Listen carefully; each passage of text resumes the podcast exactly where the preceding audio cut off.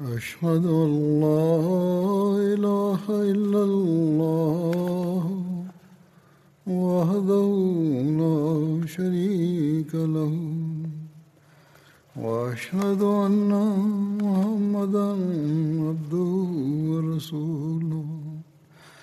أما بعد فأعوذ بالله من الشيطان الرجيم.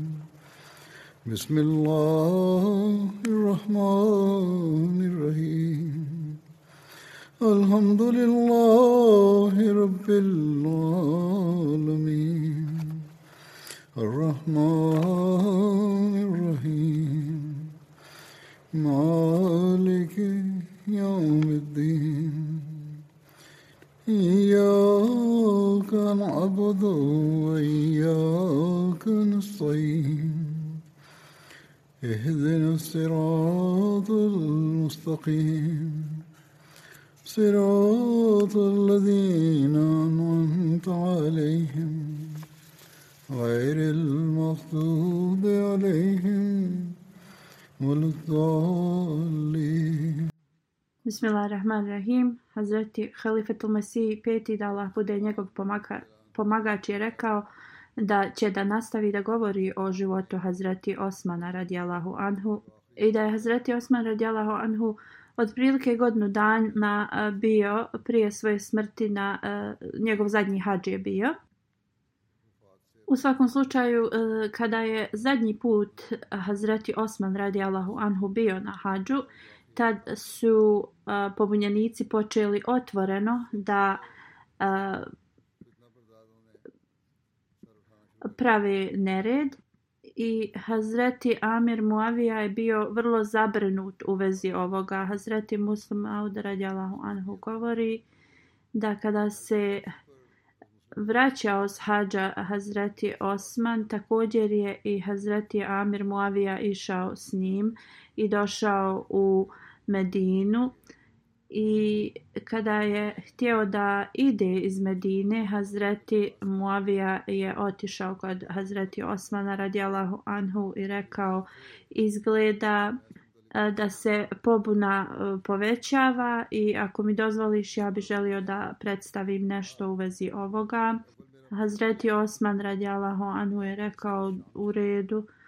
On je rekao prvo želim da te pozovem da ideš u Siriju sa mnom jer tamo nema nikakvih pobuna ni, ni problema i bojim se da ako se ova pobuna poveća da mi nećemo moći biti u stanju da ti pomognemo. Hazreti Osman radijalahu anhu je rekao ja ne mogu da napustim e, mjesto e, gdje je poslanik sallallahu alejhi ve sellem iako raskinu moje tijelo u komadiće. Onda je Hazreti Muavija predstavio uh, prijedlog da pošalje vojsku koja će ga braniti i rekao je da niko se neće usuditi od te vojske da, da radi pobunu. Hazreti Osman radijalahu Anhu je rekao niti mogu da finansiram tu vojsku iz, iz blagajne, a niti želim da ih stavljam bilo koga u opasnost zbog sebe. Onda je Hazreti Muavija radjala Anhu rekao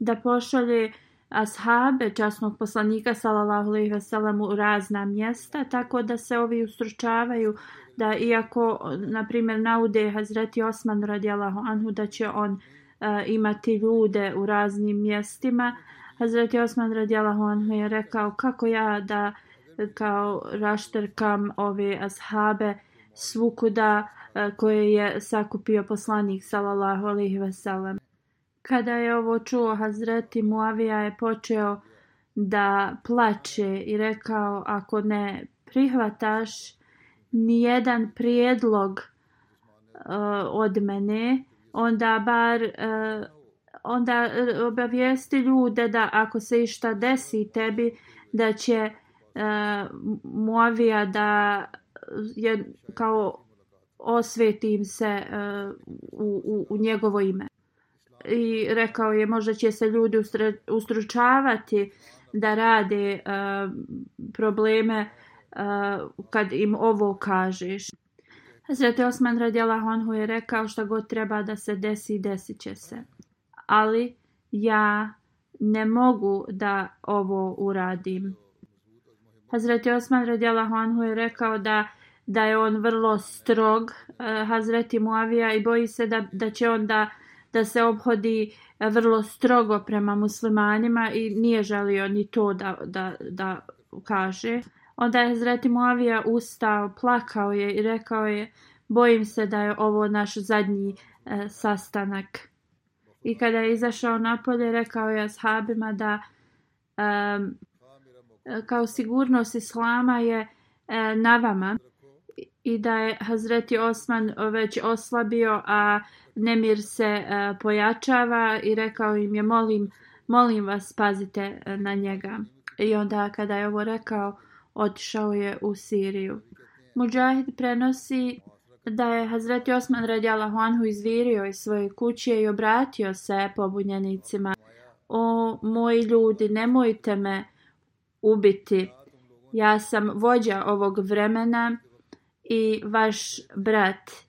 Sve što sam uradio do sad je e, prema mojoj mogućnosti, ali je sve bilo e, prema propisima.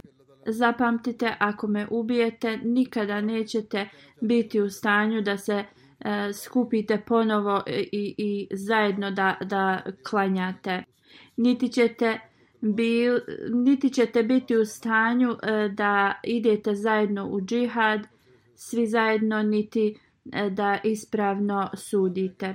I prenosijac kaže kada uh, ovi pobunjenici nisu uopšte to nije ostavilo nikakav utisak uh, na njih, uh, Hazreti Osman im je rekao, uh, kada je Amirul Mu'minin Hazreti Omer preminuo, vi ste bili svi zajedno.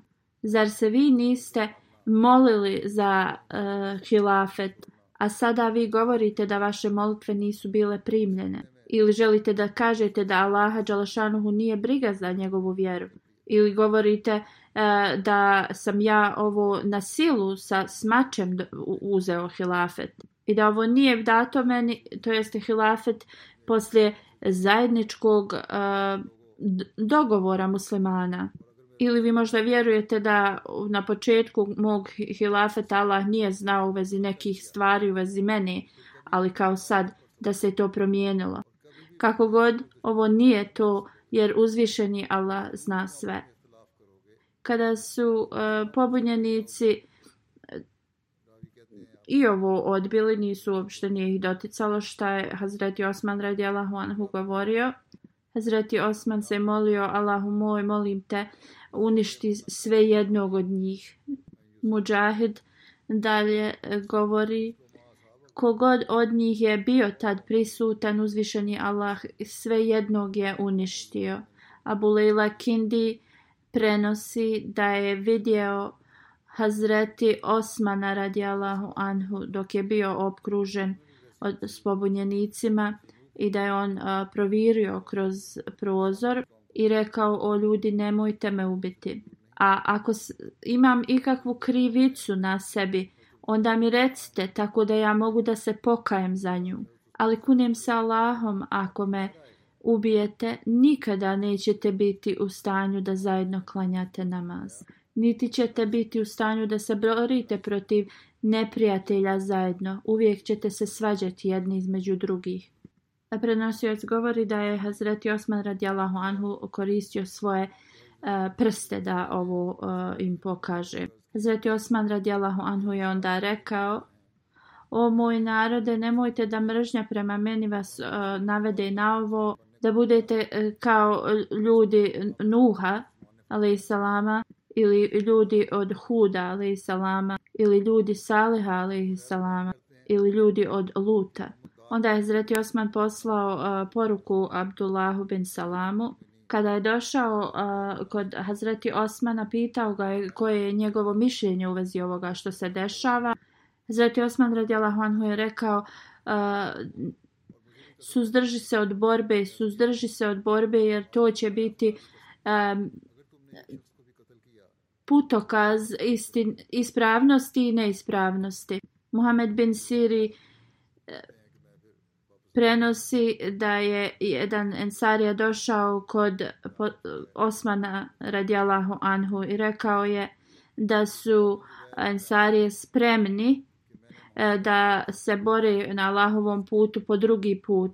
Hazreti Osman radijalahu anhu je rekao nemoj slučajno da se borite. Hazreti Ebu Hureyra radijalahu anhu prenosi na Jevmu dar, to jeste na dan E, kada je bio okružen e, Osman radijalahu anhu, otišao sam kod njega.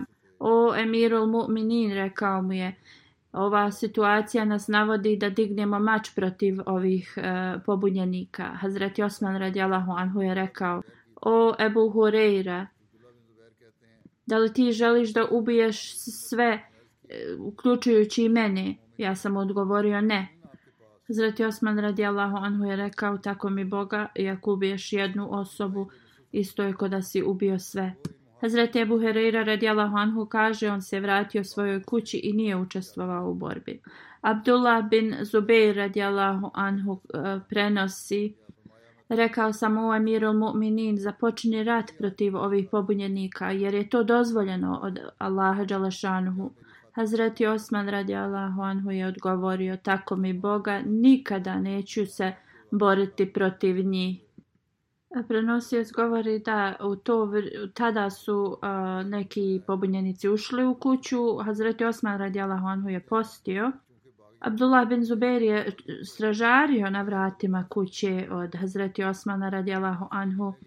Izvinjavam se, nisu pobunjenici ušli, već neki ashabi su tad ušli u kuću. I uh, Zreti Osman radijalahu anhu je rekao ako me, e, ako kogod me sluša, izaći će sa um, Abdullahom bin Zubeirom. To jeste nije ih želio da, da ulaze u kuću. Abdullah bin Zubeir je rekao oni su došli ovdje da, da tebe čuvaju. I uh, rekao je daj nam dozvolu da se borimo protiv ovih pobunjenika. Zreti Osman radijalahu anhu je rekao govorim tu ime Allaha da nijedna osoba radi mene ne treba da prolije svoju krv. Hazreti Muslima od radijalahu anhu uh, piše u vezi napada na Hazreti Osmana i njegovo ubijstva uh, e, da su uh, pobunjenici pošto su bili uznapredovali kao zadnju opciju poslali Osmanu neku osobu i rekli da on ostavi napusti hilafet Oni su smatrali ako napusti sam hilafe da onda musmani neće imati uopšte ni potrebu ni priliku da uh, kazne pobunjenike. Uh, kada je ovaj došao njihov uh, čovjek, Hazreti Osman radijalahu anhu mu je rekao ja i u džahilijetu, to jeste prije, vremenu prije Islama, sam se uh, suzdržavao od bilo kakvih grijehova, a pogotovo kada sam primio Islam. Onda koja je moja uh, Eh, kazna ili razlog da napustim eh, hilafet. Nikada eh, neću ostaviti ogrtač koji mi je dao, to jeste hilafet uzvišeni Allah. Ovaj čovjek se vratio i onda je rekao pobunjenicima Tako mi Boga, mi smo pali u veliki problem i ako ga ne ubijemo, nećemo moći izbjeći kaznu muslimana jer na taj način e, jednostavno vlada i sva administracija će propasti, ali oni nisu imali e, nikakav e, odobravajući razlog da mogu da ga ubiju. Ovdje možemo da vidimo zabrinutost ovih pobunjenika jer sve načine koji su pokušali da provociraju Hazreti Osmana da bi oni imali dozvolu da ga ubiju, to im je propalo oni su znali da bi, pod bilo kakvim e, uslovima nije, njegovo ubijstvo nije bilo dozvoljeno. Hazreti Abdullah bin Salam je došao e, dok su e, pobunjenici e, smišljali kako da e, ubiju Hazreti Osmana radijalahu anhu. Hazreti Abdullah bin Salam je bio vrlo cijenjen čovjek u njegovom plemenu i prije e, Islama i jevreji su vjerovali da je uh, jednostavno ga držali na tome da je on uh, cijenjena osoba i, i pobožna i veliki uh, učenjak. On je stajao na vratima Hazreti Osmana radijalahu anhu i e, govorio je e, pobunjenicima da nemaju pravo da ga ubiju. Rekao je, o ljudi, nemojte navoditi e, mač, Allahov mač iznad vaših glava.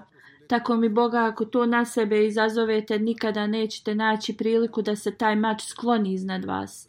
I e, pobudne između muslimana se nikada neće završiti. E, rekao je, obratite pažnju, sada su kazne e, bičovanjem. E, ali ako ubijete Osmana, onda vlada i administracija neće imati druge e, način nego e, da to rješava s mačom.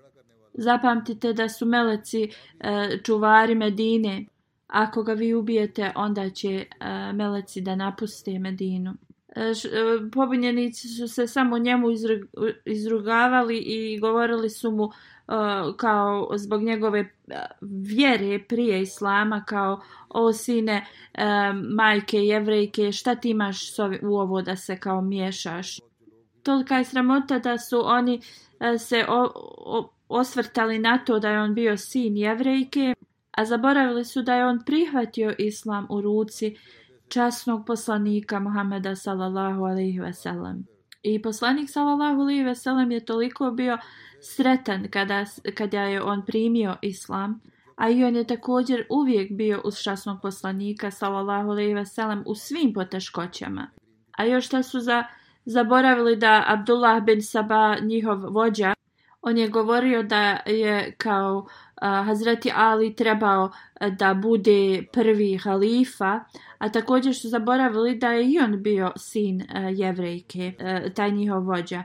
Činjenica je bilo da je on u stvari bio jevrej koji se samo uh, prikrivao u, kao kroz islam. Abdullah bin Salam je bio vrlo uh, nezadovoljan ovim uh, njihovim ponašanjem i otišao je. I pošto su ovi pobunjenici jednostavno nisu mogli da uđu kroz vrata kuće Hazreti Osmana jer stražari koji su bili tu oni su bili spremni da ubiju ili da budu ubijeni i onda su odlučili da preskoče preko zida uh, od nekog komšije i da uh, ubiju Hazreti Osmana radi Allahuanhu. Kada su ušli u uh, sobu Hazreti Osmana radi Allahuanhu on je učio Kur'an u tim danima e, dok je bio okružen e, samo čime se bavio je svojim namazima i učenjem Kur'ana sve ostale što je bilo normalno sve ostale njegove e, obaveze su bile zapostavljene. I još šta je uradio prije toga jeste dvojicu ljudi je postavio da čuvaju blagajnu. Jel tu noć Hazreti Osman radijalahu anhu je vidio poslanika sallallahu alejhi ve sellem i rekao da mu govori o Osmane a, a prekini svoj post sa nama. Posle ove vizije Hazreti Osman radijalahu anhu je bio e, siguran da će taj, taj dan biti ubijen i postati šehid i onda zbog svoje e, obave kao zbog svoje odgovornosti Hazreti Osman radijalahu anhu je naredio da dvojica ljudi čuvaju blagajnu. Tako da niko ne dobije priliku da opljačka e, blagajnu u toku toga um, nereda. I kada su ovi pobunjenici ušli, Hazreti Osman je učio Kur'an, Muhammed bin Ebu Bekar je bio također jedan od njih. I pošto uh, je on bio kao e, na čelu njih i pošto je bio sin od Hazreti Abu Bekra radijalahu anhu, on je osjećao potrebu da on treba da bude e, kao prvi. I kad su ušli, on je uhvatio Hazreti Osmana radijalahu anhu za, za bradu i kao povukao ga je. Hazreti Osman radijalahu anhu je rekao, o sine, brata moga, da je tvoj otac ovdje, on ne bi ovo nikada uradio. Šta se je tebi desilo? Da li si ti nedovoljan, nezadovoljan sa mnom zbog Allaha? Da li si ti nezadovoljan sa mnom zbog toga što sam ja naređivao sve što Allah naređuje? Tada Muhammed bin Ebu Bekr od, od stida se okrenuo i otišao je, ali ostali pobunjenici su ostali. I pošto su oni e, dobili e, vijesti da vojska iz Bastre dolazi, oni su znali da im je ovo zadnja šansa. Jedan od pobunjenika je prišao i udario je nekim, nekim željeznim e, štapom glavu Hazreti Osmana radi Allahonhu i, i, i gurnuo je i Kur'an koji se odkolutao ispred Hazreti Osmana i na njemu je njegova krv se vidjela način na koji su oni bili e, prema ovom časnom Kur'anu, kako su se ponijeli, e, vidjelo je e, koji je zaista njihov status. Ajet na koji je njegova krv pala u časnom Kur'anu je Allah će im se zaista osvetiti zbog tebe jer Allah je sveznajući i svevidljivi. Poslije e, osoba koja se zvala Sudan je napao, krenuo prema Hazreti Osmanu sa mačem. E, prvi pokušaj Hazreti Osman se zaštićivao svojom rukom i odsjekao mu je ruku. Onda je rekao, tako mi Boga, ovo je bila prva ruka koja je pisala Kur'an. I kada je ponovo ovaj Sudan po, po, pokuš, da ga udari, njegova supruga Najla e, je stala između njih on je, ova, ova zla osoba je također i nju napao i njeni prsti su bili osjećeni. Onda je opet udario Hazreti Osmana radijalahu anhu i ranio ga je mnogo. I kada je Hazreti Osman radijalahu anhu pao od bola, unasvijestio se, ova zla osoba, e, jer je, on je želio da, da zasigurno vidi da je, nije želio da Hazreti Osman preživi, uhvatio ga je rukama za um, njegov vrat i davio ga je dok nije izdahnuo. Dok Hazreti Osman radijallahu anhu nije prihvatio pozivnicu poslanika sallallahu alaihi veselem da im se pridruži i da prekine svoj post. Inna lillahi ve inna ilaihi rađiun. Zaista Allahu pripadamo i njemu se vraćamo. U strahu supruga Hazreti Osmana nije, nije pozvala za pomoć i onda kad je došla sebi pozvala je, ali kada su stražari ušli eh, već je bilo kasno. Kada je oslobođeni rob Hazreti Osmana vidio krv na, na maču od eh, tog Sudana, on je nije se mogao da, da strpi pretrčao je i odsjekao mu je glavu. A također i ovaj rob je bio ubijen od e, pobunjenika. Sada je islamski umet bio bez halife. Onda su pobunjenici počeli e, da terorišu prvo ljude u, u kući Hazreti Osmana. E, jedan je govorio toliko vulgarne riječi u vezi e, njegove supruge. E, da jednostavno bilo koja osoba, bilo koje religije da čuje ovakve riječi bi ostala bez riječi, da neko može to, takve riječi da govori kad su samo malo prije uh, ubili uh, na jed, jednu od najcijenjenijih, najvoljenijih osoba poslanika sallallahu alejhi ve sellem. Zeta Hazret uh, poslanika sallallahu alejhi ve sellem, halifu islama, da o tako mogu da govore. Kako god ovi ljudi su toliko bili zli da jednostavno ni jedno zlo dijelo e, nije bilo e, problem za njih. E, dok su terorisali članove kući Hazreti Osmana radijalahu anhu, a, još jedan oslobođeni rob nije se mogao da suzdrži i napao je tu osobu i uh, također su i njega ubili. Oni su također uzeli i nakit že, od žena iz uh, Hazreti Osmanove kuće i onda su otišli. Hazreti Muslima od Radjelahu Anhu govori u vezi vulgarnosti ovih ljudi koji su ubili uh, Hazreti Osmana Radjelahu Anhu. On kaže, vidite šta su uradili. Ubili su Hazreti Osmana Radjelahu Anhu. dok je on ležao eh, u, u lokvi svoje krvi, o, ovi što su ga ubili su vulgarno se obraćali njegovoj supruzi. Komentarisali su u vezi njenog tijela. Njihove, e, njihova djela su još gora postala i ne samo da su e, govorili vulgarno u vezi e, supruge Hazreti Osmana radijalahu anhu. Pa ovi su ljudi počeli da govore u vezi Hazreti Ajše radijalahu anha.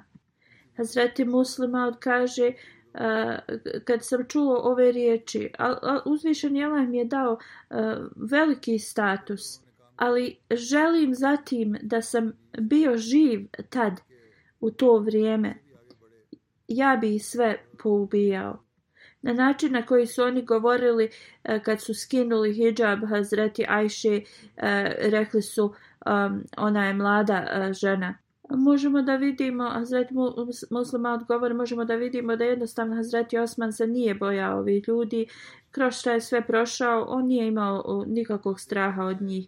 A, oni su također e, zapisano kroz historijske knjige da kada je vrijeme a, namaza, ovi pobunjenici bi išli u džamije i, i jednostavno stajali između muslimana, tako da muslimani ne bi a, se dogovarali u vezi da, da ih kao idu pro, protiv njih. Ali unatoč tome, Hazreti Osman radijalahu anhu je uvijek dolazio u džamiju sam. Nije se nikoga bojao, sve dok mu nisu zabranili da, da, da izlazi iz kuće. Također uvijek e, možemo da vidimo da je ljudi koji su dolazili i željeli da stražare ispred njegove kuće, on je uvijek ih slao svojim kućama i iz ovog možemo također zaključiti da uopšte se nije bojao da, e, ubi, da će ga oni ubiti ili da, toga da će postati šehid. I još jedan dokaz koji sam također spe, e, spomenuo na početku hudbe jeste a, kada je Hazreti Muavija rad, radijalahu Anhu tražio da on ide s njim u Siriju i ali je Hazreti Osman odbio to. I da Halifat Masije naveo o, a, a, događaj e, koji s početka e, hudbe e, da je Hazreti Muavija e, postavljao tri ova uslova e, Hazreti Osmanu prijedloga u stvari za pomoć ali ih je Hazreti Osman odbio i na kraju plačući e, kad, kada je e, kretao rekao mu je da bar im naglasi da ako neko naudi Hazreti Osmanu da će uh, Hazreti uh, Muavija se pobrinuti za njihovu kaznu. Ali uh, Hazreti Osman radijalahu anhu je rekao dosta mi je Allah moj i da zato nema potrebe. uh, I Musa Maud kaže kako neki ljudi govore da a, Hazreti Osman nije bio hrabar i to, ali ovo nam samo pokazuje da je on bio hrabar i da se nije bojao dati svoj život, ali je želio da zaustavi krvoproliće.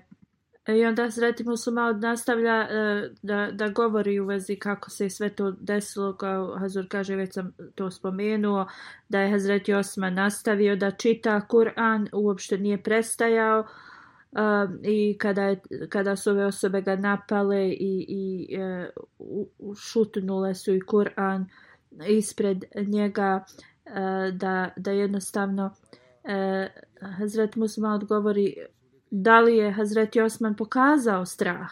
Nije. Da, onda muslima od eh, Radjela Hanhu govori da dolazak uh, obećanog Mesija ali Salama se desio uh, da, na sličan način kao dolazak Hazreti Nuha, Sulejmana i, i drugih poslanika. I poslije njega, poslije obećanog Mesija ali Salama također institucija Hilafeta se uspostavila kao poslije e, uh, priješnjih poslanika. Zreti Muslima odgovori da uh, jednostavno uh, institucija Hilafeta uh, je izvanredna institucija koja jednostavno proučavajući kaže posle poslanika sallallahu alejhi ve sellem historiju i, i sve šta se je desilo na primjer sa Hazreti Osmanom radijalahu anhu. I, i to duhovno svjetlo koje je uh, časni poslanik sallallahu alejhi ve sellem uh, mu podario i kaže e, deset hiljada potoma, potomaka posle mene da, da, da se žrtvuje za ovo ili poradi, na primjer, da neko kupi slona ili malog insekta, e, te žrtve ne bi bile dovoljne. Činjenica je da uvijek shvatimo vrijednost nečega dugo, dugo poslije, poslije e, vremena prođe i onda shvatimo vrijednost e, nečega. I jedino poslije smrti Hazreti Osmana radijalahu anhu da su ljudi shvatili zaista uh, svrhu i, i, i dobročinstvo institucije hilafeta. Hazreti Musmaud radijalahu anhu dalje govori, poslije Hazreti Omera radijalahu anhu, sve oči su ashaba bile uprte na Osmana radijalahu anhu za sljedećeg halifu. I poslije konsultacije časnih ashaba, poslanika sallallahu alaihi veselem, on je bio postavljen na ovu poziciju. On je bio zet časnog poslanika sallallahu alaihi veselem i dva put dvije uh, kćerke poslanika sallallahu alejhi ve sellem su bile udate za njega ne u isto vrijeme. I kada je druga kćerka e, poslanika sallallahu alejhi ve sellem preminula, on je rekao i da sam imao još jednu kćerku dao bi ti je. I ovo nam pokazuje koliko je e, čast i, i imao u očima časnog poslanika Hazreti Osman radijalahu anhu on je imao veliku čast među ljudima u, u, u Meki i, i također je bio imućen u Arabiji. E, kada je Hazreti Abu Bekr radijalahu anhu primio islam, on e, je, od osoba koje je on odabrao da, da govori o islamu, to je bio Hazreti Osman radijalahu anhu. I samo nakon nekoliko dana u njegovog njemu uh, govora o islamu, Hazreti Osman radijalahu anhu je prihvatio islam.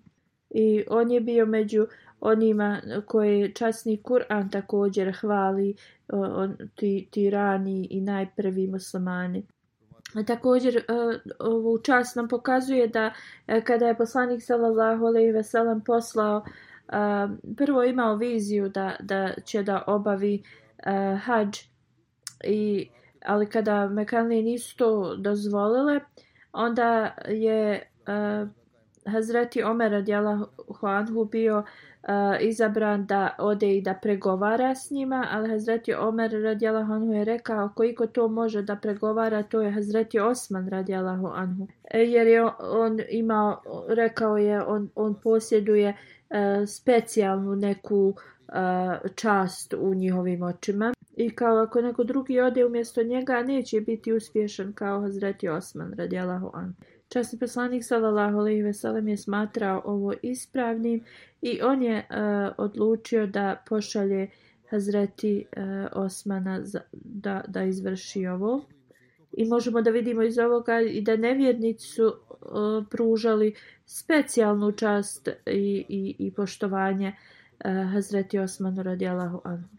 E, također možemo iz, e, e, iz sljedećeg da, da zaključimo koliko je čast poslanik sallallahu alejhi ve sellem davao Hazreti Osmanu radijallahu anhu. Jednom je ležao u svojoj kući i došao je Hazreti Abu Bekr radijallahu anhu i poslanik je nastavio da leži Onda je došao Omer radijalahu anhu, poslanik je nastavio da leži, ali kada je Hazreti Osman ušao, onda je poslanik popravio svoju odjeću i rekao e, da e, da je to uradio zbog e, Hazreti Osmana radijalahu anhu. Hazreti Osman radijalahu anhu je također bio jedan od rijetkih ljudi u Meki koji prije Islama nije konzumirao alkohol, niti je radio blud. U Arabiji u kojoj je ponos bilo piti, alko, konzumirati alkohol i, i a, blud je bio jedna svakodnevnica i ovo je bio kvalitet ali, ljudi ali koje možemo naprste prebrojati a, prije islama koji u, u to nisu radili. Hazreti Osman radijalahu anhu je bio a, čovjek velikog morala i ovo svjetskog također statusa Časni poslanik sallallahu alejhi ve sellem je bio vrlo zadovoljan s njim i Hazreti Omer radijallahu anhu je rekao e, da e, on je bio među šestoricom e, za koje je poslanik sallallahu alejhi ve sellem bio kao najzadovoljniji. Također on je bio među Ašramu Bašara. Bio je jedan od desetorice kojima je E, časni poslanik sallallahu alejhi ve sellem dao radosne vijesti dženneta. 17. ili 18. Zulhidžeta je rečeno e, da je Hazreti Osman radijalahu anhu ubijen. E, 35. hidžretske i bio je petak. Ebu Usman Nahdi prenosi da je ubijen u srednjim danima Jaumeta Šrik, e, to jest 12. Zulhidžet. A prema Ibni Ishaku e, da je ubijen e, 11 godina, 11 mjeseci i 22 dana poslije Omara radijalahu anhu. I 25 godina poslije smrti časnog poslanika sallallahu alejhi ve sellem. Abdullah bin Amr bin Usman uh, prenosi da je Hazreti Osman radijalahu anhu ubijen u 82. godini poslije e, ikindije namaza. E, petak 18. Zulhidža u 38. posle Hidžre i da je postio na taj dan. Prema Ebu Mašeru, uh, Hazreti Osman je bio 75 godina star. Nijar bin Mukrem prenosi u vezi dženaze uh, Hazreti Osmana radijalahu anhu da je to bila subota između uh, Akšama i Jacije namaza. Četvorca njih su nosili e, tijelo Hazreti Osmana radijalahu anhu. Džubeir bin Mutem, Hakim bin, bin Hizam, Abu Džehan bin Huzeifa e, su nosili njegovo tijelo. Džubeir bin Mutem je klanjao džanazu, a Muavija potvrđuje ovu, ovaj uh, hadis. I njih četvrca su također otišli u mezar kad, kad su ga uh, spustali. E, uh, Hazreti Džubir bin Mutem prema jednom hadisu kaže da je predvodio džanazu uh, i da je bilo 16 ljudi na džanazi. Alama ibn Sad prenosi da prvi hadis je uh, tačni, uh, da je dženaza bila, uh, da su dženazu klanjali četvorica ljudi. Abdullah bin Amr bin Usman prenosi da je Hazreti Osman a, ukopan u Haši Koukar. A, bila je subota između a, Akšama i Jacije namaza. Rabi bin Malik prenosi od svog oca ljudi su željeli da ukopaju svoje a, voljene u Haši Koukam mezarje. Haš znači mala a, bašća, a Kokab se zvao a, Ensarija koji je a, bio vlasnik tog mjesta. Ova bašća je bila blizu e, Dženatul Baki mezarija. Hazreti Osman bin Afan bi često govorio, redjela honhu, e, uskoro e, pobožna osoba će da premine i bit će ukopan tu, to jest u Haši Kukab. I prenosi se da je Hazreti Osman radijalahu anhu bio prva osoba da, da, koja je bila u, ukopana tu. Postoji hadis koji govori tri dana da a, ovi pobunjenici nisu dozvolili da se a, Hazreti Osman a, ukopa u Tarika Tabari. A, Ebu Bashir Abdi prenosi da je prenio da tri dana Hazret, tijelo Hazreti Osmana radjala Honhu nije bilo ukopano i nije dozvoljeno da, da, da se ukopa. Poslije Hakim bin Hizam, e, Džubeir bin Mutim E, su razgovarali sa Hazreti Alijom u vezi džanaze od e, e, Hazreti Osmana radijalahu anhu. I ako bi mogli oni da zatraže dozvolu od porodice Hazreti Osmana radijalahu anhu da, da ga oni ukopaju.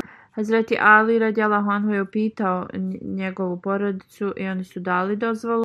I kada su pobunjenici ovo saznali, oni su sakupili uh, kamenja. Neke, neka porodica Hazreti Osmana se pridružila džanazi. e, I kada su po, tijelo e, Hazreti Osmana radijalahu anhu bilo po, ponešeno, e, ovi su pobunjenici počeli da bacaju kamenje i željeli su da obore njegovo tijelo. E, kada je poruka u vezi ovoga stigla do Hazreti Alija, radijalahu anhu, poslao im je poruku njima natrag i rekao da ovo ne smiju da rade. Oni su onda e, to zaustavili i dženaza i ukop je bio u, u tom novom mezarju. A, posle Hazreti Muavija je naredio da se a, zid između Dženetul Baki i ovog mjesta a, sruši tako da, da budu kao jedno. I onda je naredio da mezari se do, počnu uh, ukopavati do Hazreti Osmana radijalahu anhu tako da se uh, spoje uh, ta, to mjesto od Dženatul Baki i, i o, ovo novo. Prema drugim nekim historijskim zapisima zapisano je da je Hazreti Osman radijalahu anhu kupio ovu zemlju i da je želio da to bude uh, dio od Dženatul Baki. Još ostaju nekoliko detalja u vezi Hazreti Osmana radijalahu anhu, ako Bog da ja ću da ispomenem u budućnosti. E, Klanjaću neke dženaze u odsustvu i spomenuću u vezi ovih ljudi. Prva dženaza je e, Molvi Muhammed Idris Sahebu. On je služio kao misionar u Ivory Coast i preminuo je u noći između 27. i 28. februara a, poslije kratkog bolovanja i na lillahi ve inna ilih rađiun.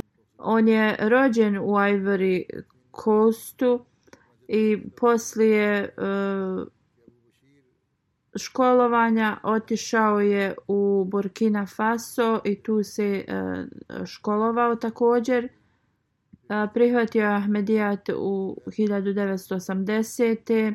1983. godine otputovao je e, u, po svojoj želji u Pakistan i tu je e, pohađao džamija Ahmedija i kada je završio, onda se vratio u, i služio u Ivory Coastu. Također je služio u Gani i Burkina Faso i onda u Ivory Coastu ponovo. On je bio Musi. Njegov put u Pakistan koji je on e, nam rekao u vezi toga je vrlo interesantan. On je kupio avionsku kartu e, i sam je sačuvao novac za to i otputovao je u Pakistan, niti se e, niti je informisao o džematu Pakistanu, e, niti u, u Ivory Coastu. Kada je stigao u Pakistan i izašao sa aerodroma, bio je vrlo za, zabrinut ali je tada ugledao neku osobu koja ga je pitala gdje ide gdje bi želio da ode.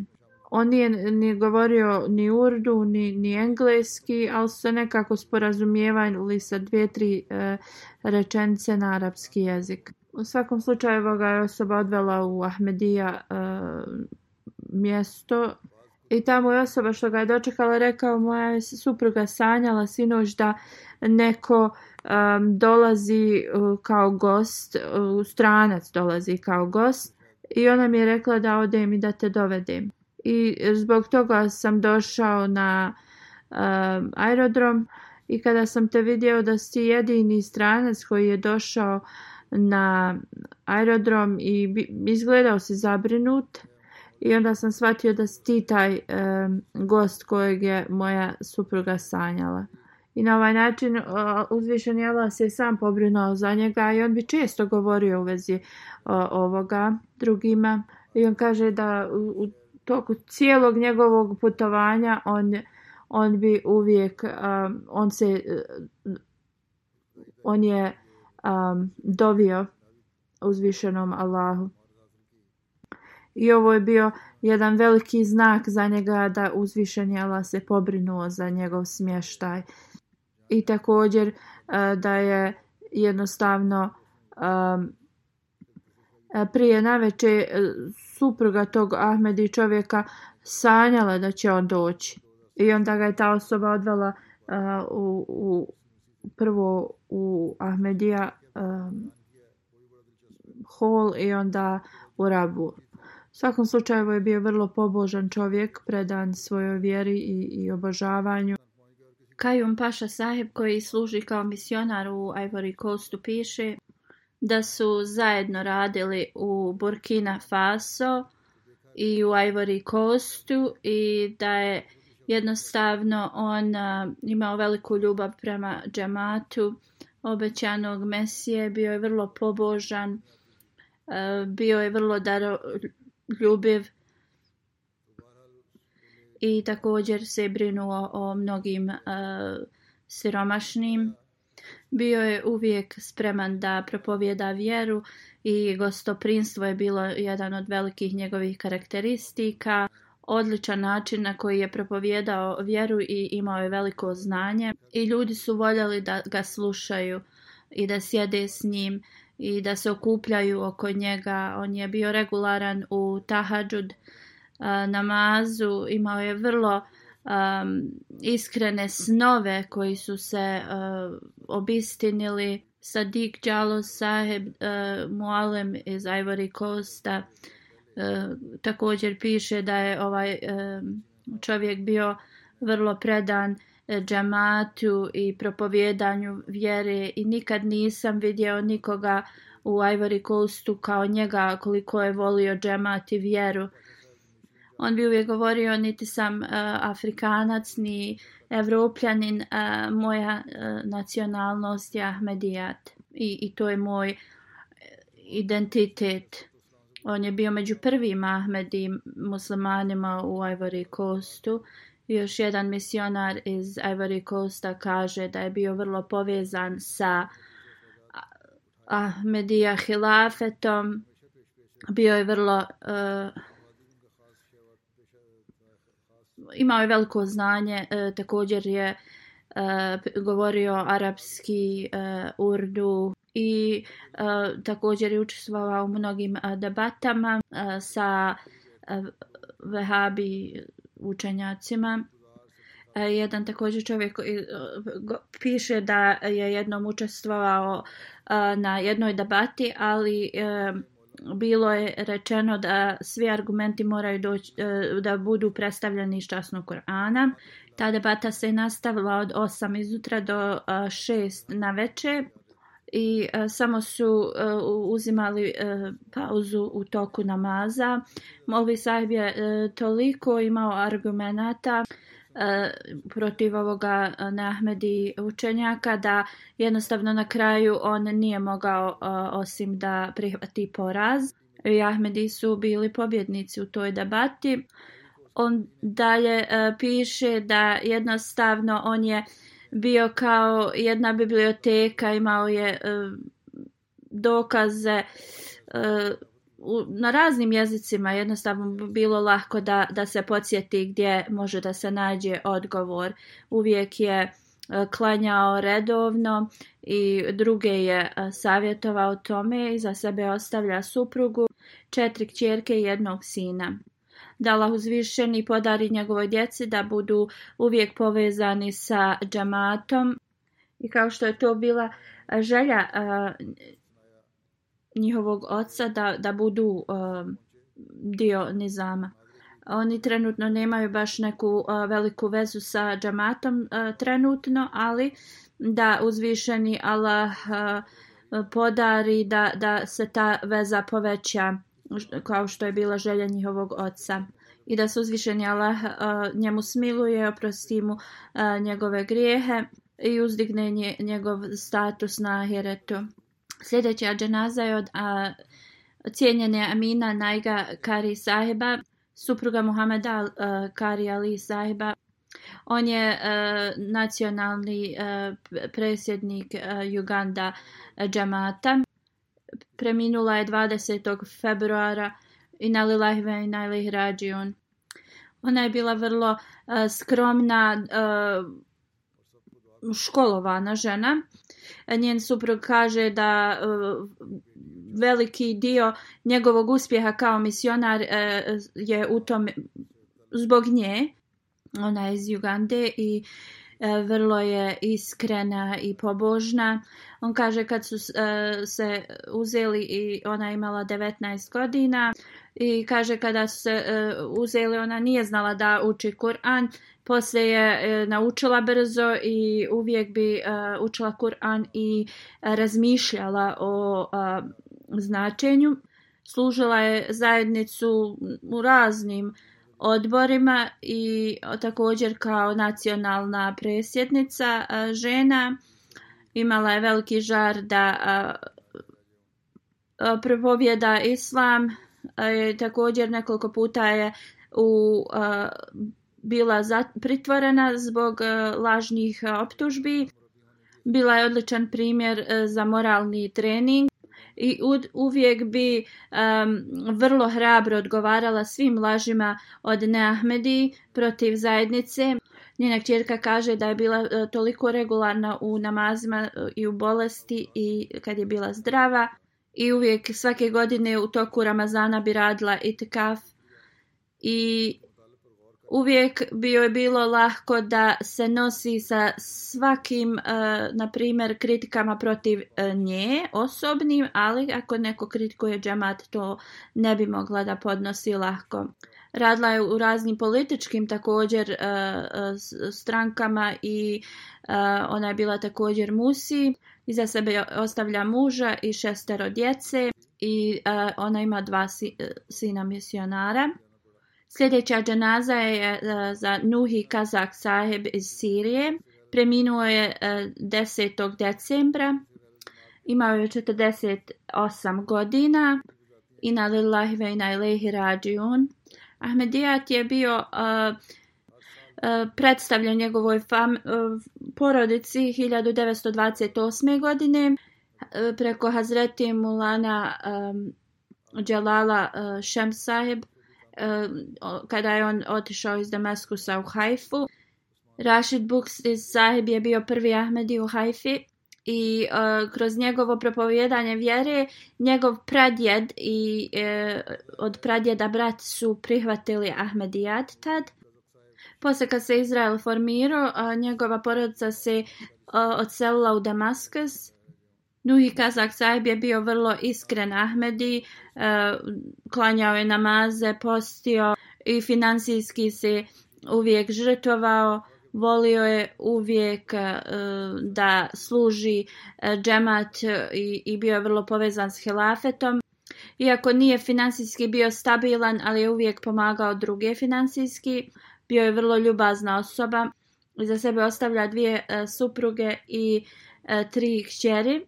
Vasim Ahmed Zaheb, eh, predsjednik džamata, kaže, on kaže u toku rata kad bi mu bilo uh, rečeno da odvede ranjenike u bolnicu, um, uh, on bi to uradio vrlo hrabro, uvijek bi se odazivao pozivu i također um, Amila članove bi, um, on bi se brinuo o njima uh, u putovanju. Dobio auto koje bi on uh, uradio njegovu službu s tim rado bi e, sa, sa velikim zadovoljstvom e, radio sve službe u džamatu. Bio je vrlo e, regularan u davanju čende, posebno u zadnjim godinama svog života. Pomagao je finansijski druge Ahmedi muslimane. I on dalje piše da je on ostavio tako lijep utisak na sve koji su ga znali sa svojim uh, E, jednostavnim životom sa takvom e, službom u džamatu i jednostavno uvijek e, bio je spreman da pomaže. Hatidža Ali Saiba, njegova supruga, kaže moj suprug je bio vrlo iskreni Ahmedi, hvala dragom Allahu, volio je džamat puno i uživao je da pomaže drugima. Pomagao je meni sa kućnim uh, poslovima imaju toliko ljubav prema svojim čerkama i uvijek se brinu e, da, da one se odgoje kako treba.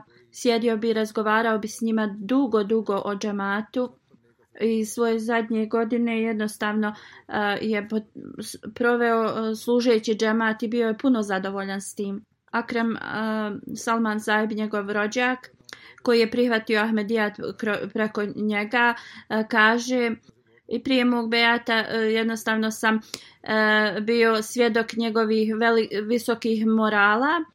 Nije ni on bio finansijski stabilan, ali bi uvijek svojim siromašnim rođacima pomagao. Što me je baš uh, neka, uh, jednom impresioniralo jeste, on je uh, dobio neki vrlo dobar posao s kojim bi mogao da otplati sve svoje dugove. On kaže uh, kada je isplatio svoje dugove, onda sve ostatak njegovog novca je davao mojim uh, uh, siromašnim tetkama i uvijek bi govorio da uh, ja nemam nikakvih dugova i dok sam još zdrav, uh, jednostavno ne želim da, da štedim novac, želim da pomognem od tog novca onima kojima je potrebno. I to me iznenadilo jer nikada u životu nisam vidio nekoga da, da, da ima toliko uh, e, zadovoljstvo za to što daje. Onda je kaže, po, uh, kada smo moj brat i ja dali bejat, on je se uh, toliko trudio za našu uh, za naše školovanje i također za moralni trening. Često bi nam čitao uh, vrlo inspirata, inspirativne e, članke u vezi onih koji su povezani sa hilafetom i zbog toga na ljubav prema hilafetu nam je porasla u našim srcima. Njegov brat Mutaz Ahmed Zahib koji je e, profesor u džamija Kanada piše Moj brat je bio vrlo iskrena osoba, imao je veliku ljubav prema hilafetu. Iako su naši preci bili Ahmedi, mi nismo imali veliko znanje o Ahmedijatu moj brat je otišao na dženazu od mog djeda u neki drugi grad i tu je e, se sastao sa nekim Ahmedi muslimanima i tu je razgovarao s njima o Ahmedijatu. I kada se vratio uh, vidio e, spa, e, primijetio sam da mnogo plače na seđdi i njegova ova promjena me je iznenadila i pitao sam ga zašto se, šta se dešava i on, me, on mi je rekao u vezi zajednice. On kaže mi smo bili Ahmedi samo po imenu i e, poslije e, istraživanja i učenja o džamatu i snova onda smo ponovo uzeli e, bejat. I ta pobožna promjena u mom bratu je u, jednostavno uticala na mene e, da ponovo dam bejat.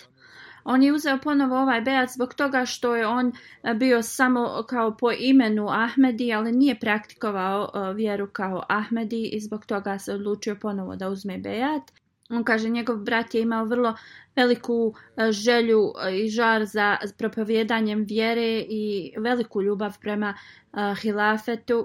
I on je također bio u Nizami Vasijetu, to jeste bio je Musi. I on je bio svjestan da će da premine i to je spomenuo svojoj suprugi i majci. Sljedeća dženaza je za eh, uh, Farat Nasim sahiba, ona iz Rabve. Preminula je 26. decembra u 86. godini na Lilahvena na Rađion. Njen otac je bio uh, ashab obećanog Mesija alaih salama. Posjedovala je mnoge kvalitete, regularno klanjanje namaza, post, uh, postila je, klanjala je tahadžud, bila je vrlo e, strpljiva, e, brinula se za siromašne, imala je veliku ljubav prema hilafetu i uvijek je finansijski se žrtvovala. I mnogo puta je dala e, i svoju, svoj nakit za razne um, potrebe u džematu. Bila je musija. Iza sebe ostavlja tri sina, tri kćerke i, i mnogo uh, unučadi. Dvojica njenih unuka su uh, misionari. Jedan sin također je misionar, da je uzvišeni Allah podari e, njegovu milost i oprost. I da uzvišeni Allah podari uh, oprost i milost na sve umrle i, i uzdigne njihov status.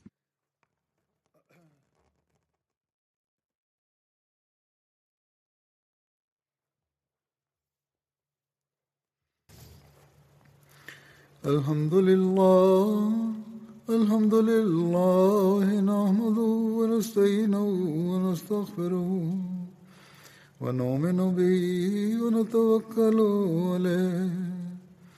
ونعوذ بالله من شرور أنفسنا ومن سيئات أعمالنا.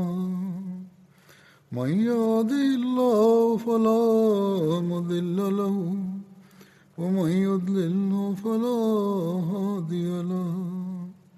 ونشهد أن لا إله إلا الله.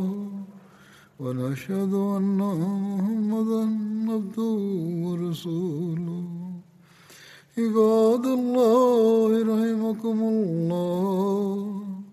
إن الله يأمر بالعدل واللسان وإيتاء ذي القربى وينهى عن الفحشاء والمنكر والبغي يعظكم لعلكم تذكرون اذكروا الله يذكركم وادعوه يستجب لكم ولذكر الله